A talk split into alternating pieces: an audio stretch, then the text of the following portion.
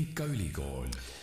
tere sulle, hea kuulaja, eetris on taas värske TalTechi podcasti episood. kolmandat hooaega juba sul neid saateid võimalik kuulata on. mina olen saatejuht Kristjan Hirmu ja täna olen siin Delfi tasku stuudios koos külalisega, kelleks on Tallinna Tehnikaülikooli majandusteaduskonna Ragnar Nurkse instituudi vanemteadur Veiko Lember. tere, Veiko! tervist! Väga uhke, väga kõlav tiitel. küsin kohe Tallinna Tehnikaülikooli majandusteaduskonna Ragnar Nurkse instituut, on seal veel mingeid instituute?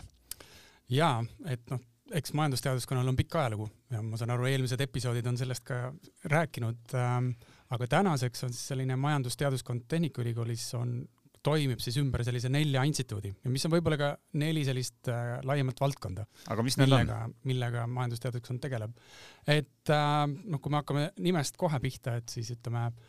majandusteadused, kui ütleme selline laiem valdkond, mis siis äh, püüab mõtestada majanduse rolli riikides, äh, riikidevahelistes suhetes, sektorites, tehnoloogiates, et, äh, et sellised äh, laiemad teemad järgmisena me saame rääkida ärindusest, ütleme, me läheme siis ettevõtte tasandile, protsessid, mis toimuvad äh, ettevõtetes, ettevõtete vahel. sealt edasi neljas selline suurem valdkond, õigusteadused äh,, ilmselt äh, nagu nimigi ütleb, et äh, millega see tegeleb ja, ja neljas siis valdkond äh,, millega ma ise võib-olla kõige paremini kursis olen, ongi siis seotud riigivalitsemise ja avaliku haldusega. sellega tegeleb siis ka Nurkse instituut? jah, et Nurkse instituut sellega tegeleb, kuigi meil on siin kokkupuutepunkte praktiliselt kõigiga teiste valdkondadega, nagu see nimigi ütleb. jah, nagu sa ütlesid, siis äh, tegelikult majandusteadus on ka väga suur ja lai mõiste ja no siin võib siis sinu poolt eelnevalt juba mainitud valdkondi nimetada, lisaks võime minna kuni eraisiku majandamise ja, ja rahanduseni ja, ja igasuguste juhtimiste ja muude protsessideni, et äh, räägi natuke võib-olla Tehnikaülikooli ja TalTechi sellest majandusõppe ajaloost ka, sa ütlesid, et sellel on ka päris pikk, pikk taust. jah, et ta, ta ulatub siin kaheksakümne, kaheksakümmend aastat tagasi, et et eks, eks majandusteadustel reeglina erinevates ülikoolides on erinev põhjus, miks ta seal on, et eks majandusteaduskonnas Tehnikaülikoolis ta on olnud seotud eelkõige siis lihtsalt tööstusega ähm,. aga tänaseks on tõepoolest, et noh, me saame rääkida siin sellist ju indiviidi tasandit, et noh, et kuidas, kuidas inimesed toimetavad, kuidas ettevõtted, organisatsioonid ja, ja kuidas siis riik tervikuna, et eriti täna, kui me räägime siin julgeolekupoliitilisest olukorrast, energiakriisidest, pandeemiast, et, et kõik see tegelikult omab hästi sellist otsest nii majanduse, õiguse kui ka siis riigivalitsemise perspektiivi. mis sinu enda eriala ja spetsialiteet on, et kui nüüd veel nagu eriti peeneks minna? jah, et äh, minu enda äh,, mul on endal kaks sellist, ütleme, uurimisvaldkonda, mis on omavahel seotud ja kus ma siis ka õpetan, ühelt poolt ongi avalik haldus, aga, aga eriti siis, et kuidas sellised äh, tehnoloogilised pöörded mõjutavad seda, kuidas riiki valitsetakse, kuidas, kuidas see bürokraatia igapäevases elus toimib ja teiseks, et kuidas siis riik läbi oma bürokraatia, läbi oma avaliku halduse tegelikult siis toetab majanduse arengut. et me võime siin seda kokku võtta kui sellise innovatsioonipoliitika mõiste all. kuidas sa üldse jõudsid sellise ala juurde? see on olnud üks suur juhuste jada, et, et ma õppisin seda algselt Tartus, aga hiljem siis äh, avaliku halduse instituut äh, kolis suuresti siis Tallinna Tehnikooli, Tehnikaülikooli üle ja aja jooksul meie enda see Nurks instituut ongi võtnud tegelikult äh, uusi teemasid kanda. ja tänaseks tegelikult, et see nimi ka, et kui me tuleme selle nime juurde tagasi, et Ragnar Nurks on ilmselt ajaloos Eesti üks kõige mõjukamaid sotsiaalteadlasi üldse olnud, et ta küll tegutses, tõsi, suurem osa oma elust väljaspool Eestit, aga, aga sõdadevahelisel ajal ja ka peale teist maailmasõda oli ta üks selliseid mõjukamaid äh, arenguökonoomikuid äh, maal, maailmas, tegutses äh, nii siin kui sealpool ookeani. no ma mäletan oma keskkooli või tänapäeva mõistes gümnaasiumi lõpust, et majandusteaduskonda Tallinna Tehnikaülikooli tahtsid väga paljud sisse pääseda. siin oli väga suur konkurss, siin oli, sinna oli keeruline sisse saada, aga, aga justkui oli tunda teatud sorti mingeid eelistusi ka tudengite poolt just siis inseneriteaduskonna ja, ja teiste erialade ees, et et kas see majandusteaduskond Tehnikaülikooli juures on endiselt populaarne ja, ja tung sinna on suur? Jaa, et, et tung on endiselt suur, ma arvan, eks aja jooksul ilmselt on ka põhjused võib-olla veidi muutunud, et miks, miks tullakse õppima, et, et tingimata täna ju, kui piirid on lahti, et tudengitel on võimalik valida, kas Eestis õppida või, või mujal, mis valdkonnas, et, et võib-olla need valdkondade vahelised need eelistused on võib-olla ka, mis ongi muutunud, on see, et, et kas, kas tullakse õppima Eestisse või, või minnakse välja, et, et aga jaa, me ei saa kurta, et meil on endiselt vaatavad vastu säravate silmadega tudengid Äh, räägime täna siis võib-olla majandusteaduskonnast natukene laiemalt ka ja see hõlmab siis nii bakalaureuse kui magistriõpet, äh, kes äh, tahab veel ekstra teadust teha, see saab kindlasti ka doktorantuuri edasi minna majandusteaduskonna juures, aga aga kuidas sa ise hindad seda, et, et kui laiapõhjalise või, või kui, kui hea majandushariduse üldse tudeng Tallinna Tehnikaülikoolis saab? Noh, ilmselt kui vaadata, et kus täna Tehnikaülikooli vilistlased toimetavad ja töötavad, et, et siis ilmselt see haridus on Äh, piisavalt hea selleks, et, äh, et ühelt poolt ennast realiseerida kui ka tegelikult siis ühiskonda panustada, et äh, et, et selles suhtes, et need valikud on tänased muutunud, et, et siin on juures äh, äh, nagu mõtlesime, riigivalitsemisega, õigusega seotud valdkonnad, erialad, et selles suhtes äh,, et ma arvan, see, see põhjus, miks sinna tulla õppida, on pigem, pigem neid põhjuseid on täna rohkem kui, kui vähem no riigi valitsemine tundub võib-olla esmapilgul selline pigem poliitiline töö, samas on sul vaja seal ju ka erinevaid teadmisi, et, et kui näiteks sellest samast avalikust haldusest rääkida, siis mida tudengid õpivad seal nendel õppekavadel? Jah, et meil on äh, avaliku halduse kavad on, on nii bakalaureuse tasemel, magistri tasemel kui ka siis tõepoolest, kelle huviga saab minna edasi teha teadust doktori tasemel. et äh, et eelkõige, äh, mis meie enda soov on, et me tahame tekitada siis tudengis palju paremat arusaamist ja mõistmist, et kuidas, mis on riigi roll ühiskonnas, kuidas riik toimetab ja noh, siin me jõuamegi üsna kiiresti selliste küsimusteni, et, et kui, kui koroonakriis algas näiteks, et, et siis me nägime, et meil olid olemas justkui ju erinevad tehnoloogiad, erinevad lahendused, millega koroonakriisi vastu võidelda. Ometigi me nägime, et meil tekkis terve rida kümneid erinevaid uusi väljakutseid. Ja kuidas kõik need väljakutsed omavahel ju kokku panna äh, mingisuguste kas kriiside või igapäevaste tegemiste lahendamiseks, et see ongi see, millega avalik haldus tegeleb, ehk et kuidas me siis mingisuguseid äh, riigi ülesandeid, valdkonnapoliitikaid igapäevaselt ellu viime no Eesti on ka ju tuntud ja tubli e-riik ja meil saab väga palju riigiteenuseid eh, tarbida ka nii, et, et sa ei pea üldse kuhugi ametisse või, või mingisse teeninduspunkti kohale minema, et eh, kui suur osa ja roll näiteks Tehnikaülikoolil selles vallas on, et, et olete ka kindlasti seal mingites projektides kaasa löönud ja, ja oma nõu ja jõuga abiks olnud? ja kindlasti, eks mitmed ju sellise Eesti e-riigi juured äh, ulatuvad otsapidi ka äh, Tallinna Tehnikaülikooli, et ja tänaseks loomulikult mitte ainult siis ütleme avalik haldus, riigiteadused, aga ka õigus, majandusteadused, ärinduseks, nad on kõik ju põimunud äh, moel või teisel äh, digitaliseerumisega. ja, ja ütleme, kõik need digitaalsed aspektid on kõikides tänase, tänastes majandusteaduskonna õppekavades kesksel kohal um,. me ei õpeta küll tudengeid programmeerima, seda kõik tudengid saavad äh, soovi korral teha kõrvalmajas aga küll aga on täna vältimatu see, et, et tudeng, kes tuleb meile õppima äh,, peab ennast läbi närima ja ka, ja, ja aru saama, et, et kuidas digitaliseerimine mõjutab ühiskonda, majandust äh, ja nii edasi.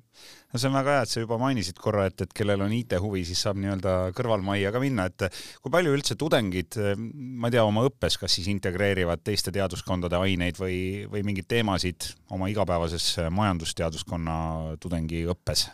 Jah, et see integratsioon, ma arvan, toimib äh, üsna erinevalt, et äh, on võimalik, õpid, tuled, õpid äh, majandust või ärindust või õigust või avalikku haldust, saad võtta kursuseid mujalt teaduskondadest, et see on tavapärane praktika. teine viis, kuidas me sellist integratsiooni püüame luua, on see, et tegelikult ka meie enda kursustest võtavad osa paljud inseneri ja IT ja loodusteaduskonna tudengid. et käib nagu siis nii-öelda tagurpidi protsess, et, et nemad saavad jälle siis otsapidi majandus teadustest osa ja, ja ennast selles vallas harida? no absoluutselt, et eks täna ongi jällegi ülikoolide roll on, ma arvan, muutunud, et me äh, on üsna lootusetu tulla ja lüüa õpikuga täna üliõpilasele pähe, et siin on nüüd see tõde, et, et on palju selliseid kitsaid teemasid ja küsimusi, kus tudengid kas läbi omaenda tööpraktika või või oma lugemuse on, on juba ise väga heal teadmiste tasemel, aga küll aga selline, ütleme, integratsioon võimaldab tudengitel üksteiselt õppida, et läbi grupitööde, läbi selliste praktiliste ülesannete lahendamise nad saavadki üksteiselt õppida, et ma arvan, see on üks selliseid põnevamaid arenguid. no olles ise ka avatud ülikooli raames Tallinna Tehnikaülikooli majandusteaduskonnas bakalaureuse kursusel õppinud, siis ma võin öelda, et äh, see, mis bakaosa puudutab, äh, ma ütleks, et see on selline hästi mõnus äh, laiapõhjaline baas, mida seal tegelikult laotakse, et eks see ülikooli roll on ka kindlasti gümnaasiumist tulnud noore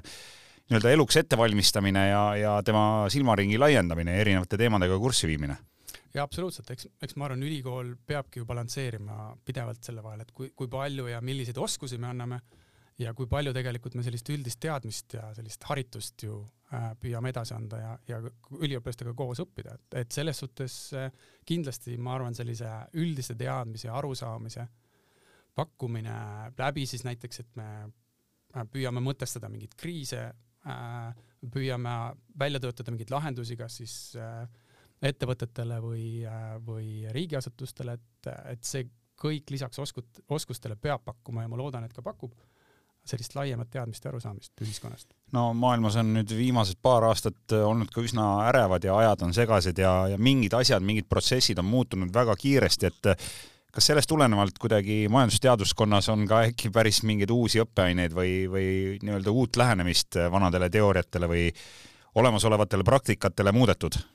jah, et ma arvan, et siin on ju korraga, jah, kuigi ilmselt tulevikus me vaatame tagasi, et võib-olla me elame täna veel rahulikul ajal, onju, aga aga täna ilmselgelt meil kõigil on, mõlgub meeles, et mitte ainult äh, energiakriis, koroonakriis, nüüd ka siis sõda Ukrainas, julgeolekukriis, aga selline laiemalt selline ökoloogilise mitmekesisuse kahanemine, meie, meie jätkusuutlik äh, tulevik, kas me üldse, mil moel me saame loodusega ühes äh, toimetada, et see kõik on ju täna küsi-, küsimuse all ja löögi all, et et kõik need teemad mitte ainult siis äh, ei kajastu täna sellistes üldistes strateegiates, et, et ülikool ju tervikuna püüab seal leida uusi lähenemisi, aga ka needsamad, ütleme, ülesanded, mida üliõpilased peavad lahendama, et äh,, et mõtestada, kuidas äh, üks või teine majanduspoliitiline instrument võiks ja peaks mõjutama näiteks jätkusuutlikku arengut või äh, või kuidas, ähm, millised peaksid meil olema tänased regulatsioonid selleks, et ütleme, sellist ühiskonna stabiilsust parandada, kuidas me äh, püüame hakkama saada sellega, et meil on hästi kiire tehnoloogiline areng,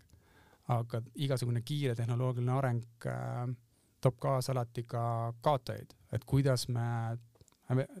saame teha nii, et ühiskonnas nii-öelda piltlikult öeldes on kõik võitjad, aga mitte ainult vähesed. no mingid protsessid ja, ja nii-öelda kuhugi kivisse raiutud dogmad on viimaste aastate jooksul muutunud. ma tean, et majanduses üritatakse ka hästi palju analüüsida, eh, ka ennustada, eh, mingeid mudeleid luua ja, ja käitumisi ja mustreid ette aimata, et kui keeruline see üldse praegusel sellisel muutuval ajal on ja kas sellega seoses ka on majandusteaduskonnas äkki mingeid päris uusi tuuli puhumas? jah, ilmselt siin, siin saab rääkida erinevatest, ütleme, tasanditest, et, et me võime teha kõik, kõiksugu prognoose kuni selle hetkeni, kui üks riik otsustab teist rünnata ja, ja kogu maailm on kaoses või et ühel hetkel on pandeemia ja ja eelnevad ennustused on, lähevad kõik prügikasti, et, et selles suhtes selline, ütleme, ühiskonnateadustes tervikuna, majanduses selline prognoosimine on alati hästi keeruline ja, ja aga ta on ka samas väga oluline. aga ta on oluline, sest ta püüab luua meile selgust, on ju, et meil on vaja selgust selles kaootilises maailmas. et see võib-olla on nagu üks asi, aga teine asi on tõepoolest, et me elame ju noh, mida me võime öelda, et me elame andmeajastul täna, et me, me jätame ise inimestena igasuguseid digitaalseid jälgi ümber enda, käime Facebookis, aga mitte me ainult ei saa sõpradega suhelda, vaid me toidame ka ka, ka Facebooki algoritme, kes siis ühel hetkel hoopis võib-olla kontrollivad meie käitumist, et, et äh, kas sellest kõigest ka räägitakse majandusteaduskonnas? Absoluutselt, et, et see on see küsimus, ütleme mitte ainult siis ütleme andmeoskused, et, et meil on, on terved ju õppekavad, kus sellist äh, andmeanalüüsi kus andmeanalüüs on sellisel kesksel kohal onju, et, et äh, aga teiselt poolt me püüame ka ju tudengitega, tudengitega koos mõtestada, et äh, milles näiteks seisneb and-, andmeõiglus. et kui me teeme andmepõhiseid otsuseid, kui meil on näiteks ennustavad politsei algoritmid, mis, mis klassifitseerivad inimesi, kuidas see tegelikult võib hoopis meile ühiskonnas selliseid probleeme juurde tekitada või kui me anname Äh, delegeerima otsustusõiguseid andmepõhistele mudelitele, kes, äh, mille kaudu siis hakatakse näiteks inimestele hüvesid kas võtma või andma, et, et kõik see tegelikult loob meile täiesti uue keskkonna ja me peame kõik sellest aru saama. no siin kohati su jutt kõlab juba natukene nagu ulme ja mulle meenub kohe üks äh, film, äkki oli seal Tom Cruise peaosas, kus äh, ka nii-öelda üritati siis äh, ette näha kuritegusid ja neid läbi selle ära hoida, et, et natukene nagu selline äh, ulmevaldkonda minev teema, aga kui ma olen siin rääkinud näiteks IT-teaduskonna inimestega, siis tehisintellekt ja, ja see masina tugi inimesele tänapäeva elus on väga suur, et ega majandusteaduskonnas ilmselt eh, selleta ka hakkama ei saa, sa juba mainisid ka, et, et tegelikult IT osa on väga suur. Jaa, absoluutselt, et siin on ju ühelt poolt, et tegemist on täna ju kõige dünaamilisema majandussektoriga. Ja et kahtlemata ükski tänapäevane majandusharidus, aga ütleme ka sotsiaalteaduslik haridus laiemalt ei saa, ei pääse mööda sellest, et me tegelikult saame aru, kuidas see majandussektor toimetab. Ähm, ja teiseks äh, sellel suurel äh, sektoril on, on väga suur mõju ka inimeste igapäevasesse, igapäevasesse ellu. nii riigi tasandil kui ka, kui ka üksikisiku ja pere tasandil, et, et kahtlemata, et need on küsimused, mis, mis ma arvan, sellise punase joonena jooksevad läbi pea, pea igast loengust äh, räägime sellisest asjast ka nagu innovatsioon, sellepärast et ma tean, et sellega tegeletakse ka Tehnikaülikoolis päris tõsiselt, et äh, räägi mõne sõnaga, mis see innovatsioon on ja, ja mida te sellega seal teete? jah, eks tänapäevaks, tänaseks päevaks ilmselt see mõiste innovatsioon on, on nii laialdaselt käibel, et, et äh, siin on ilmselt kümneid, kümneid definitsioone ähm,. miks ta meie jaoks on oluline, on see, et ütleme, et innovatsioon kui ütleme, selline kontseptsioon või ütleme, nähtus äh, seletab äh, ütleme ettevõtete ja ka üha rohkem ka avaliku sektori käitumist, et kuidas siis äh, ühiskondlikud muutused aset leiavad. et, äh, et selles suhtes ta ei ole nagu selline tühipaljas sõnakõlks, aga see aitab lahti mõtestada ühiskondlikke muutuseid, et me saame tagasi minna Austria majandusteadlase Josef Schumpeterini ja alates, alates sealt, kus siis sellised mõttearendused on, on liikvele läinud aga jah, et tõepoolest, et ühelt poolt äh, kuidas näiteks siis äh, riik peaks ja saab äh, ütleme, ettevõtete võimekusi aidata nendel areneda läbi siis innovatsioonipoliitika. teiselt poolt näiteks, kuidas tudengid, kes lähevad näiteks kasvõi meie ülikoolist välja ja alustavad enda ettevõtetega, et mil moel siis anda kaasa see pagas üliõpilastele, et nad saaksid siis ettevõtluses ise hakkama Äh, et, et selles suhtes ta on mitmekihiline, et, äh, et eelkõige on ta seotud siis sellega, et me püüame läbi siis õppetegevuse sellist, ütleme, majandusarengut, aga mitte sellist pimedalt, aga, aga teatavate, ütleme, teatavate sellise laiema arusaamisega äh, üliõpilasteni viia, et majandusareng on olemas paremaid ja halvemaid valikuid, kui äh, kuidas äh,, kuidas sellist arengut suunata. et ühesõnaga, et seal on äh, terve selline, ütleme isegi filosoofia ja, ja, ja õpetus kogu selle nii-öelda mõiste taga. Aga keda meil üldse tulevikus siis rohkem vaja on, et, et milliste oskustega need tulevased tudengid või, või hilisemad lõpetajad Tehnikaülikoolist äh, sinna tulevad kooli ja, ja sealt väljuvad, et, et kellest võib olla üldse tulevikus kõige suurem puudus? Eks, äh, eks üks, ütleme, märksõna, millest me juba ka rääkisime, on tegelikult, ongi seotud andmetega, et äh, ühelt poolt äh, oskused, mis, mis võimaldavad siis tudengitel andmetest aru saada, neid töödelda, neid analüüsida, nendest teha loodetavasti ühiskonnale siis kasulikke lahendusi, et kõik need oskused, mis on seotud andmetega, teiselt poolt tõesti ka siis see võimekus aru saada, et äh, andmed, suur hulk andmeid võib olla väga sensitiivne küsimus ja sellega on võimalik teha paljudele inimestele palju halba.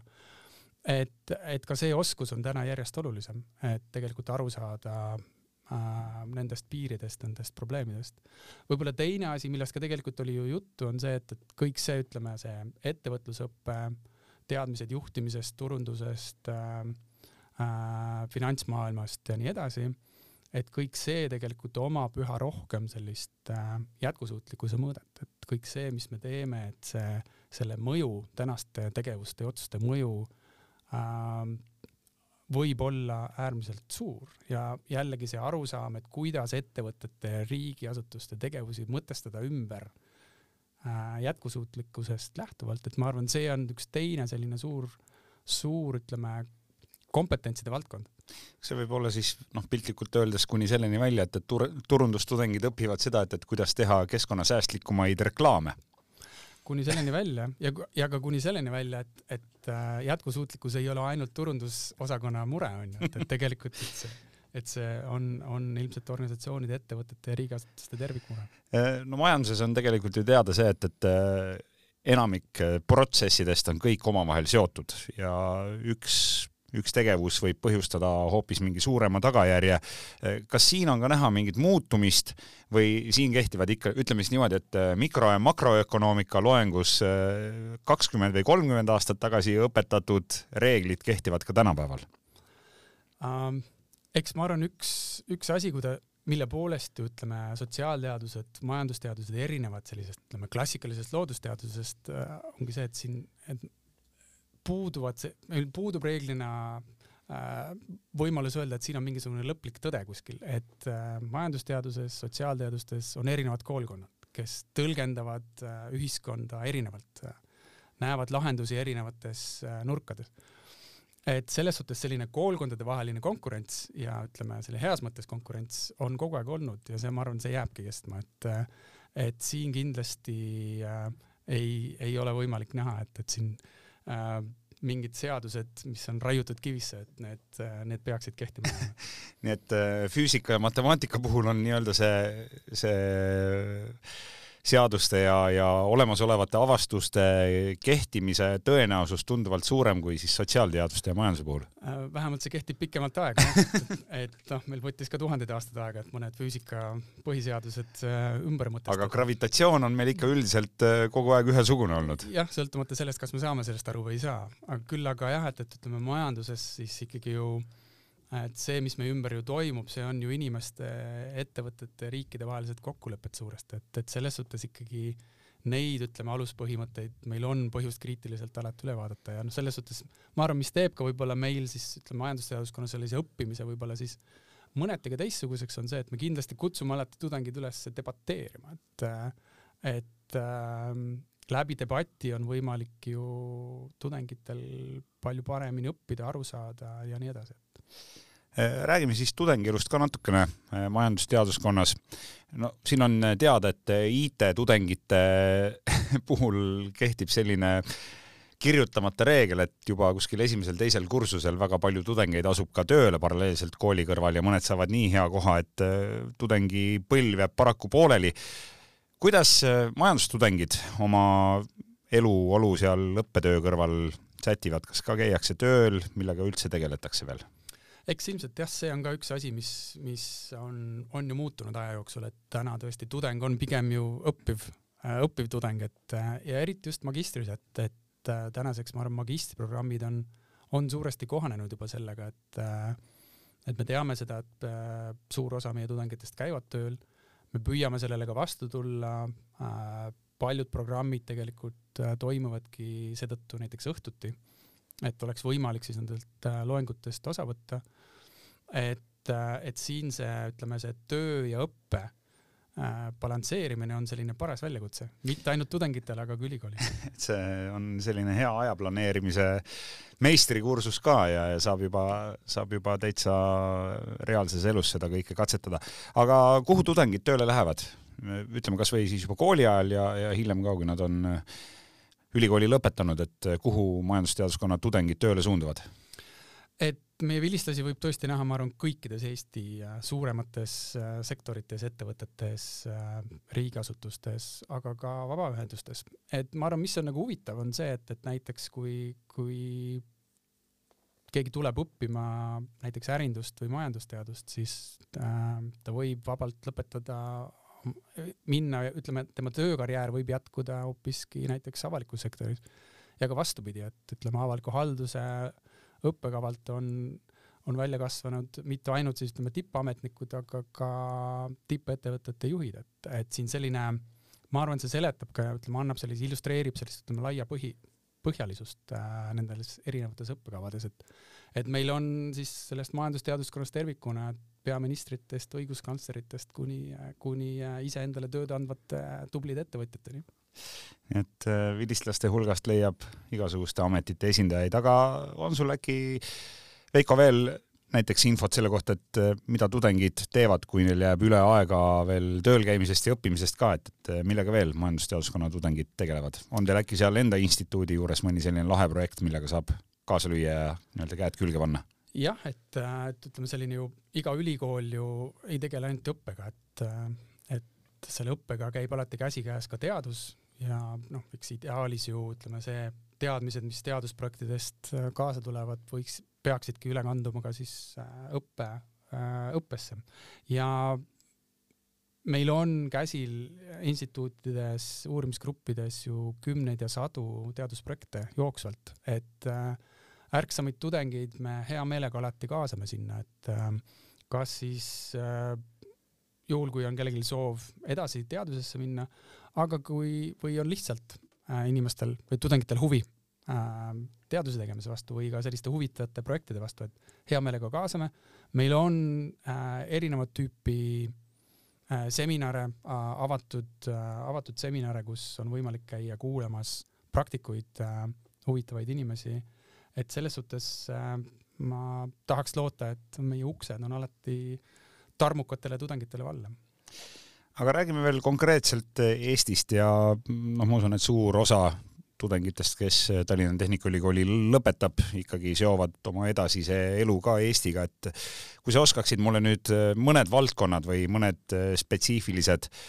ametinimetused nimetada, keda just teie valdkonnas Eestis praegu kõige rohkem puudus on, et, et keda, keda võiks ülikool rohkem koolitada? Ähm, jah, et kui me räägime, ütleme majandusteaduskonnast või nendest valdkondadest, mis siis majandusteaduskonna all on, et, et äh, kui me vaatame puhtalt töö, äh, tööhõive statistikat, siis tööpuuduse üle ilmselt keegi kurta ei saa, et, äh, et see ampluaa on väga lai, aga, aga ma arvan, et needsamad märksõnad, mis siit juba läbi käis, et kel iganes on võimekus täna andmete kaudu mingit uut väärtust luua Äh, kindlasti ei pea lehe ajal äh, tööpuuduse üle kartma. Äh, ametnikud või ütleme, kes on või inimesed, kes laiemalt on mingisuguste selliste ühiskondlike protsessidega seotud, et et neid inimesi ei ole kunagi liiga palju, kes suudavad protsesse süvitsi analüüsida ja läbi näha, et just sellist analüütilist võimekust, ma arvan, kõige laiemas mõttes. ma arvan, et see on see, mis, mis võiks olla äh, üks olulisemaid oskusid ja ma ei näe, et siin lähiajal sellistel inimestel tööpuudust oleks. nii et kui andmeanalüütikut otsitakse, siis äh, suure tõenäosusega võib see tulla Tallinna Tehnikaülikoolist? Äh, jah, ja absoluutselt ja ma arvan ka, ja ka need inimesed, kes tegelikult äh, suudavad aru saada, et, et mis, mis kõik selle ümber toimub no majandusteadus on hästi suur ja lai valdkond, aga täna me siin oleme otsapidi juba maininud ka, et, et äh, üks asi veel, mis on tegelikult samamoodi põiminud, põimunud meie kogu eluga, olgu see siis majandus või tootmine või, või ehitus, on äh, jätkusuutlik käitumine, äh, energia kokkuhoid, roheline mõtlemine. kuidas see kõik see, see meie energiakriis ja, ja, ja see rohepööre, mida tegelikult ju Euroopa ka planeerib, kuidas see on majandust või majandusteadust üldse mõjutanud? viimastel aastatel uh,? ma arvan, väga palju ja üha rohkem ta seda teeb, et, et tegelikult me ju täna näeme ka seda esimesi märke sellest, et me näeme, et meil ei ole enam ainult üksinda, ütleme äh,, kliimaprobleemid äh, ja ka energiakriis, vaid nüüd on meil ka julgeolekukriis. Ja, ja me näeme ka esimesed märke ju sellest, et äh, et võib-olla hoopis me lähme järgnevad aastad hoopis tagasi äh, fossiilsete kütuste juurde, sellepärast et energiajulgeolek ja, ja üldine julgeolek võib-olla tingib seda, mis omakorda jällegi loob sellise väljakutse tegelikult mitte ainult siis ütleme majanduspoliitikale, majandusmõttele, äh, riigivalitsemise küsimustele, vaid ka tegelikult ta, ta, ma arvan, peaks sundima ka igat üksikisikut tege-, tegelikult üle vaatama ja mõtlema teie igapäevased valikud, et et kas äh, kas ma nüüd äh, jätan näiteks ühe puhkusereisi vahele või ei jäta, kas äh, et kui, kuidas, kuidas see mõjutab näiteks äh, ümbritsevat, et, et siin kindlasti ütleme, kogu see temaatika, ma näen, et järgmise sellise nelja-viie-kümne aasta jooksul kindlasti muutub aina, aina tähtsamaks, et meil ilmselt ei olegi teist valikut. No reisimisest inimesed siiski, ma kahtlustan, et tulevikus ei pääse ja ja reisida ei ole tore mitte ainult puhkamise või, või maailma nägemise eesmärgil, vaid ka õppimise eesmärgil. ja ma tean, et majandusteaduskonnas on tegelikult väga rahvusvaheline seltskond, teil on ju välistudengeid, teil on välisõppejõude, toimub ka välisõpe. räägi mõne sõnaga sellest ka, et, et kui nüüd tulevane tudeng asub õppima Tallinna Tehnikaülikooli majandusteaduskonnas, et kui palju ta seda rahvusvahelist seltskonda saab nuusutada? jah, ma arvan, et see on väga hea tähelepanek, et et siin on jällegi mitu, mitu võib-olla aspekti, et ühelt poolt tõepoolest meil kuskil kolmkümmend protsenti siis ka õppejõud, õppejõuskonnast äh, või õppejõududest on siis äh, rahvusvahelise taustaga, et äh, meil on täna umbes suurusjärgus seitsesada rahvusvahelist tudengit seitsmekümnest erinevast riigist. Ähm, meil on nii ingliskeelsed programmid, nii magistri, ähm, bakalaureuse kui ka doktoriõppe tasemel, kui ka eestikeelsed loomulikult väga palju sellist, ütleme, lugemismaterjali on, on ingliskeelsed ja suur tõenäosus on, et te satute grupitööd tegema äh, näiteks mõnes ingliskeelses loengus äh, väga rahvusvahelise seltskonnaga. lisaks meil on ka äh, ühisõppeprogramme teiste Euroopa ülikoolidega, näiteks on avaliku sektori innovatsiooni ja e-valitsemise õppekava äh, Münsteri ülikooliga Saksamaalt ja Lööveni ülikooliga Belgiast kus tegelikult siis tudengid käivad ja õpivadki kolmes riigis äh, üks semester korraga. segan lihtsalt vahele, et nüüd, kui potentsiaalne sisseastuja kuulab, et välisõppele minna Saksamaale või Belgiasse, aga saksa või flaami keelt ei valda, et, et kas seal nendes ülikoolides käib ka ikka õppetöö inglise keeles? Jah, absoluutselt, et, äh, et äh, need on ingliskeelsed programmid ka, ka seal, et, et selles suhtes siin on ka selline huvitav, mitte ainult Eestis ei ole see küsimus, et kuhu tõmmata piir eestikeelse, ingliskeelse hariduse vahel, et see on selline rahvusvaheline nähtus. ja kolmandaks võib-olla siis, äh, mis ma välja tooksin, on see, et alati on võimalik minna näiteks semestriks äh, välismaale õppima, et äh, kõikidel õppekavadel on olemas oma võrgustikud kas siis Erasmus lepingute või muude lepingute kaudu on võimalik välja valida väga head ülikoolid äh, üle Euroopa ja ka, ja ka väljaspool, et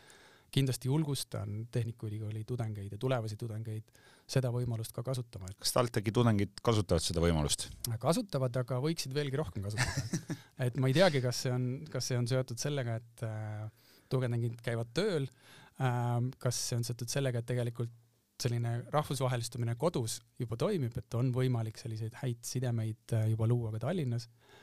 aga, aga kindlasti siin on võimalik, äh, võimalused on üsna piiramatud täna. nii et ülikool äh, platvormina, kust endale tulevikuks õiged kontaktid ja sidemed ja võrgustik ehitada, on selles suhtes TalTechis veel eriti viljakas, et seal tekib see platvorm siis nii-öelda rahvusvahelisel pinnal juba. jah, absoluutselt, et ja noh, ja see võib tegelikult kuni selliste hästi äh, hästi konkreetsete ju selliste kasudena ju mingil hetkel välja luua, et äh, välja tuua, et, et ka meil näiteks äh, tudengid Ukrainast, kes äh,, kes olid sunnitud sõja eest põgenema, et äh, esimese hooga nad said kasutada just oma rahvusvaheliste kaastudengite võrgustikku ja abi, et see, et see on kindlasti, mis täna on, ütleme mitte ainult Eesti, aga Euroopa selline tugevus selles suures äh, sõjas ja kriisis Veiko, kui sinu käest küsida nüüd eh, päris isiklikus plaanis, et eh, mis on sinu jaoks tulevikus üks suur probleem või, või teema, millega sa tahaksid veel tegeleda või, või mõne probleemi ära lahendada, siis kas sa oskad kohe niimoodi hoobilt mulle öelda? jah, see on selline miljoni dollari küsimus onju, et, et äh, eks sellised, ütleme see noh, teadus areneb ka ütleme mitte ainult siis meie, meie soovide ja, ja, ja ja, ja unistuste toel, aga, aga ta on ka väga praktiline asi, et et millised projektid näiteks saavad rahastuse ja millised ei saa.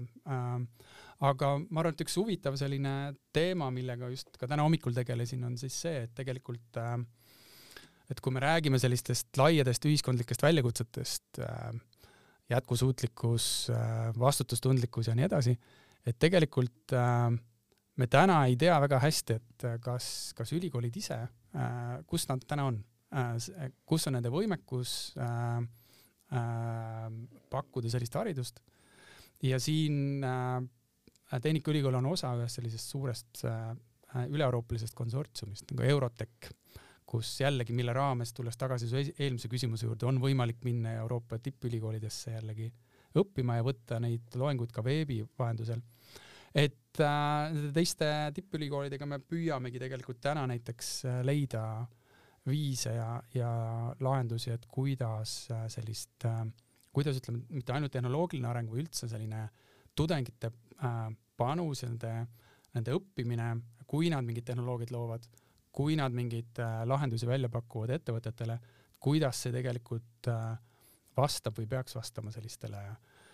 tulevikuga seotud väljakutsetele, et kas see, mis me teeme, kas sellel on suur või väike kliimajalajälg, kas see, mis me teeme, kas need andmemudelid äh, võib-olla panevad kedagi halvemasse olukorda, et et see on, ma arvan, üks küsimus, et, et kuivõrd hästi näiteks ülikoolid ja kuidas ülikoolid peaksid kohanema sellise teemaga, et see on üks teema, mida me näiteks täna hommikul just äh, partnerülikoolidega arutasime. aga kui sa peaksid nüüd potentsiaalsele sisseastujale, kes alles otsustab, et mida minna õppima või, või millist äh, teaduskonda või õppekava valida, kui sa peaksid talle head nõu andma, siis äh, millist nõu sa, Veiko, annaksid tulevasele tudengile? kui väga lühidalt öelda,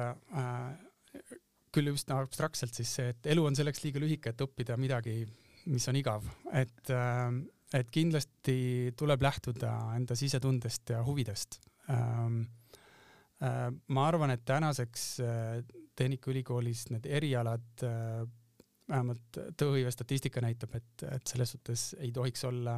kellelgi kartust selle eest, et, et kas, kas see toob leiva lauale.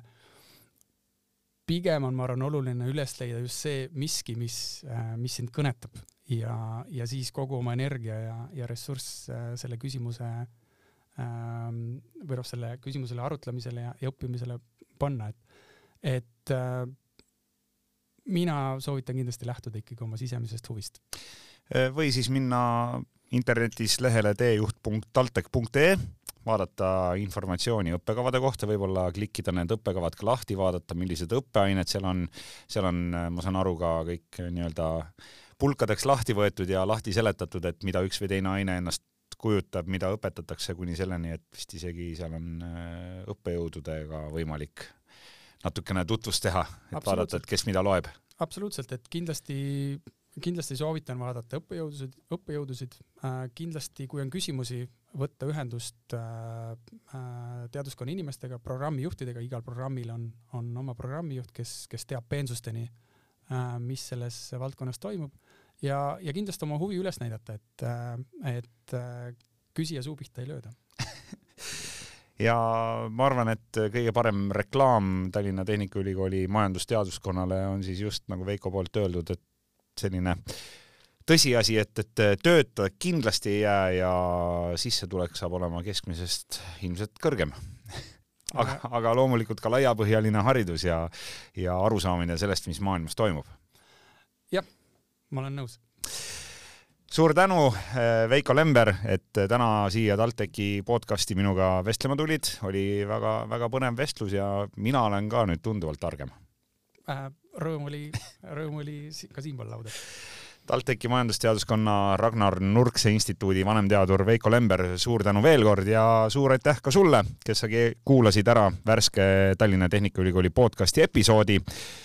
kõik need saated on kuulatavad ka Delfi taskukeskkonnas, Spotify's, Apple podcastis ja teistes suuremates rakendustes. otsi need üles, hakka jälgijaks ja nii jõuavad kõik uued episoodid esimesena sinuni. mina olen saatejuht Kristjan Hirmu ja kuuleme juba järgmises TalTechi podcasti episoodis.